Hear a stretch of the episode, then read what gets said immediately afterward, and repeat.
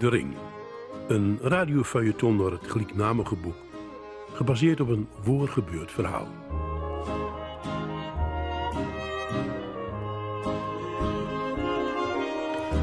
Je luistert naar een podcast van Drenthe Toen. De Ring, geschreven en voorgelezen door Jan Spolling. Hoofdstuk 12, waarin Johan nog één keer naar Bosnië gaat. Maar ditmaal voorzien van meer informatie en vol goede hoop. Hij komt dichterbij dan ooit. De eerste maand van 2004 heb ik in de grootste verwarring doorbracht. Eigenlijk wil ik het verleden maar het verleden laten. Het longte me niks in mijn rustige leven, waar ik mij langzamerhand al beter bij begonnen te voelen, weer op de kop te zetten. Aan de andere kant rommelde diep in mij het verlangen om alles omtrent mijn afkomst te weten. En er hoorde op zijn minst bij dat ik lopen zal op de grond waar mijn vader gelopen had. Dat ik de landstreken zien zul waar hij leefd had. En als het even kun, dat ik een grafplek zal vinden, desnoods zonder stien of gedenkteken. Dat leste verlang we met de week sterker. En in april zei ik tegen Peter dat ik nog een keer naar Bosnië wil. En drekte al in mei, voor de hitte aan. Ik kocht woordenboeken en op internet vind ik een eenvoudige taalkursus. Kroaten en Bosniërs praten dezelfde taal, net zoals ook de volken gelijk bent van afkomst. Het verschil wordt eigenlijk alleen door het geloof bepaald. Peter knikte. Ja, natuurlijk. Je weet nu meer, je weet nu waar je zoeken moet, je kent plaatsnamen. Ik heb er een goed gevoel bij. Het lukt je vast. In de eerste week van mei bracht hij mij naar Schiphol en een paar uur later stond ik weer in Zagreb. Ik had nog een plan.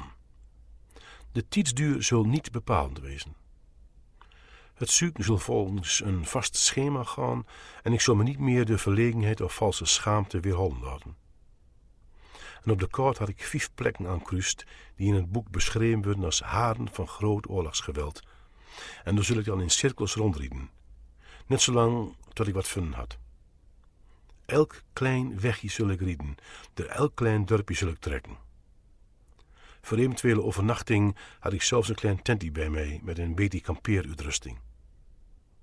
Roemte zat in het land. En ik zul in elk geval die bergtop opspeuren en het plaatsje waar mijn vader op de foto zet was. Eerder ging ik niet weer. Op het vliegveld van Zagreb huurde ik nou een auto met vierwielaandrijving, zodat ik overal komen kon. En die middag nam ik een kamer in het hotel waar ik vier jaar geleden ook was. Aan de eigenaar vertelde ik dat ik een rondreis maken zou, dus dat hij niet raar opkijken moest als ik een dag of wat niet aanwezig was. Hij hoefde zich niet ongerust te maken over het geld, zei ik. Hij moest mijn kamer gewoon aanhouden. Ik zal elke dag betalen, ook als ik niet aanwezig was. In die eerste week maakte ik grote tochten rond Bihać. Want er hadden immers oorlogsbegraafplaatsen liggen. En wel werd wat er nog aanwezig was. De vierde dag toen ik uitstap was, trof ik een man die me zeggen kon dat alle grafvelden opschoond waren en dat alles vlak schoon was. Ja, hij had er zelf aan metwaakt, zei hij. Een jaar of tien leden. Ja, door hadden veel Duitsers liggen, dat klopt. Tien jaar leden, misschien ook wel al twaalf. Hij wist niet zo goed meer. Ach ja, er was zoveel gebeurd. De tweede week besloot ik de E1 te volgen, richting Kroatische grens. Doel van mijn zoektocht was een stuk weg tussen de afslag voor Ripac en Nebius. Toen ik een tegen uur of vijf weer rum bleek mijn oriëntatievermogen niet geweldig te wezen. En na een paar keer links en rechts op kleine wegjes was ik de richting kwijt. En een half uur later moest ik toegeven dat ik verdwaald was. De paniek kwam langzaam in mij op. Ik had er wel een tentje in de auto, maar in deze onherbergzame streken leup volgens de verhalen ook nog wolven. En ik was een flink eind van de weg af. En als blind van kwaadheid en doodsbenauwd sloeg ik de ene weg naar de andere in.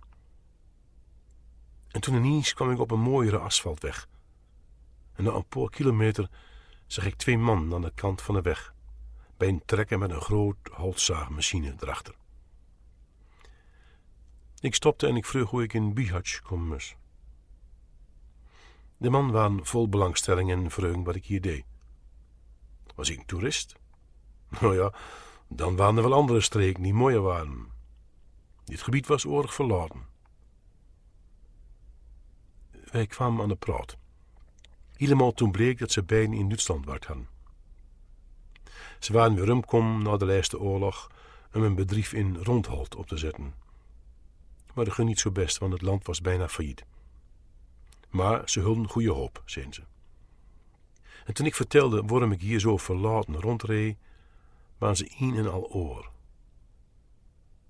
De ene man die het beste Duits spreut, die was veel van de Tweede Wereldoorlog. Ja, zijn vader die had bij de partisanen vechten En dat ik een zoon was van een die aan de andere kant streden had, dat was toch toevallig. En was dit niet kenmerkelijk voor die nieuwe vrede, dat zij nou zo overleggen kunnen? Nou, hij wist veel van de streek zeer, want hij was hier geboren. Maar hij kende ook mensen die veel studie maakten hadden van de geschiedenis. En vooral de tijd in de Tweede Wereldoorlog. Die was hier heel erg reurig geweest. Er was een pastoor die er veel van wist, zei hij. Ja, ja, ook van gesneuvelde Duitsers. Hij had aan een aantal van die Duitsers zelfs de laatste sacramenten toediend. Ja, want hier wonen ook nog altijd katholieken hoor. Deze streek die hoorde in de Tweede Wereldoorlog namelijk bij Kroatië. En het grootste deel van de Kroaten was katholiek. Hier in de Barring waren nog complete dorpjes die katholiek waren. En dat waren ook de dorpjes waar de Duitse soldaten in de Tweede Wereldoorlog soms hulp kregen. En die zijn vader in veel gevallen platberaad had. En de man schreef de naam op van het dorpje waar ik de pastoor vinden kon. Het lag vlak onder Bihać. Oh ja, en nou even anders wat. Had ik ook foto's? Ik leurde foto zien waar mijn vader in een dorpje stond. De tweede man kwam er ook bij staan. Hij pakte de foto en zei: Kulen Vakuf. De foto was nem in Kulen Vakuf, een stad die op de kruising van een aantal belangrijke wegen.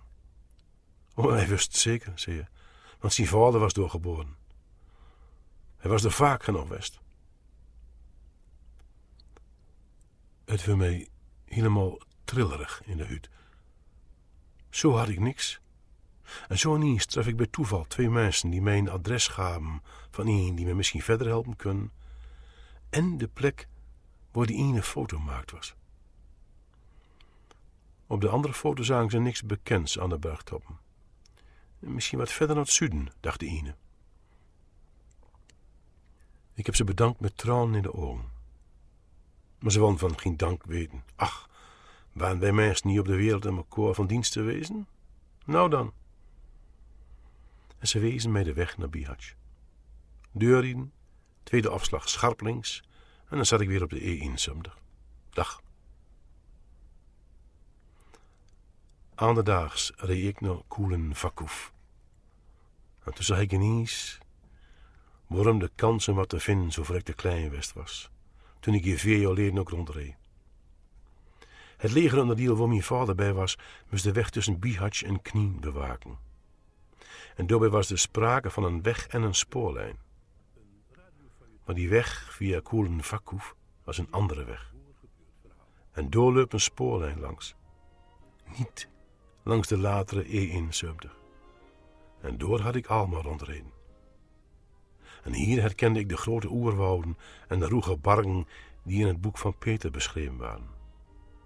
Hier zag ik de hoogvlakken die geen enkele bescherming beuden tegen onverwachte guerrilla-acties. Ik kwam dichterbij. En ik wist. En ik voelde dat ik nog dichterbij komen zou.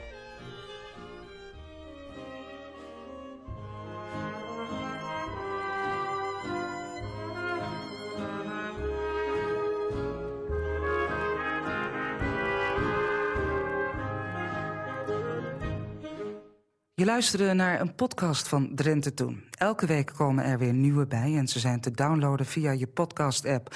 Of kijk even op onze website rtvdrenthe.nl. Daar vind je ook andere podcasts. En vond je het leuk of heb je tips? Laat dan een beoordeling achter. Dat vinden wij weer leuk. Dank je wel.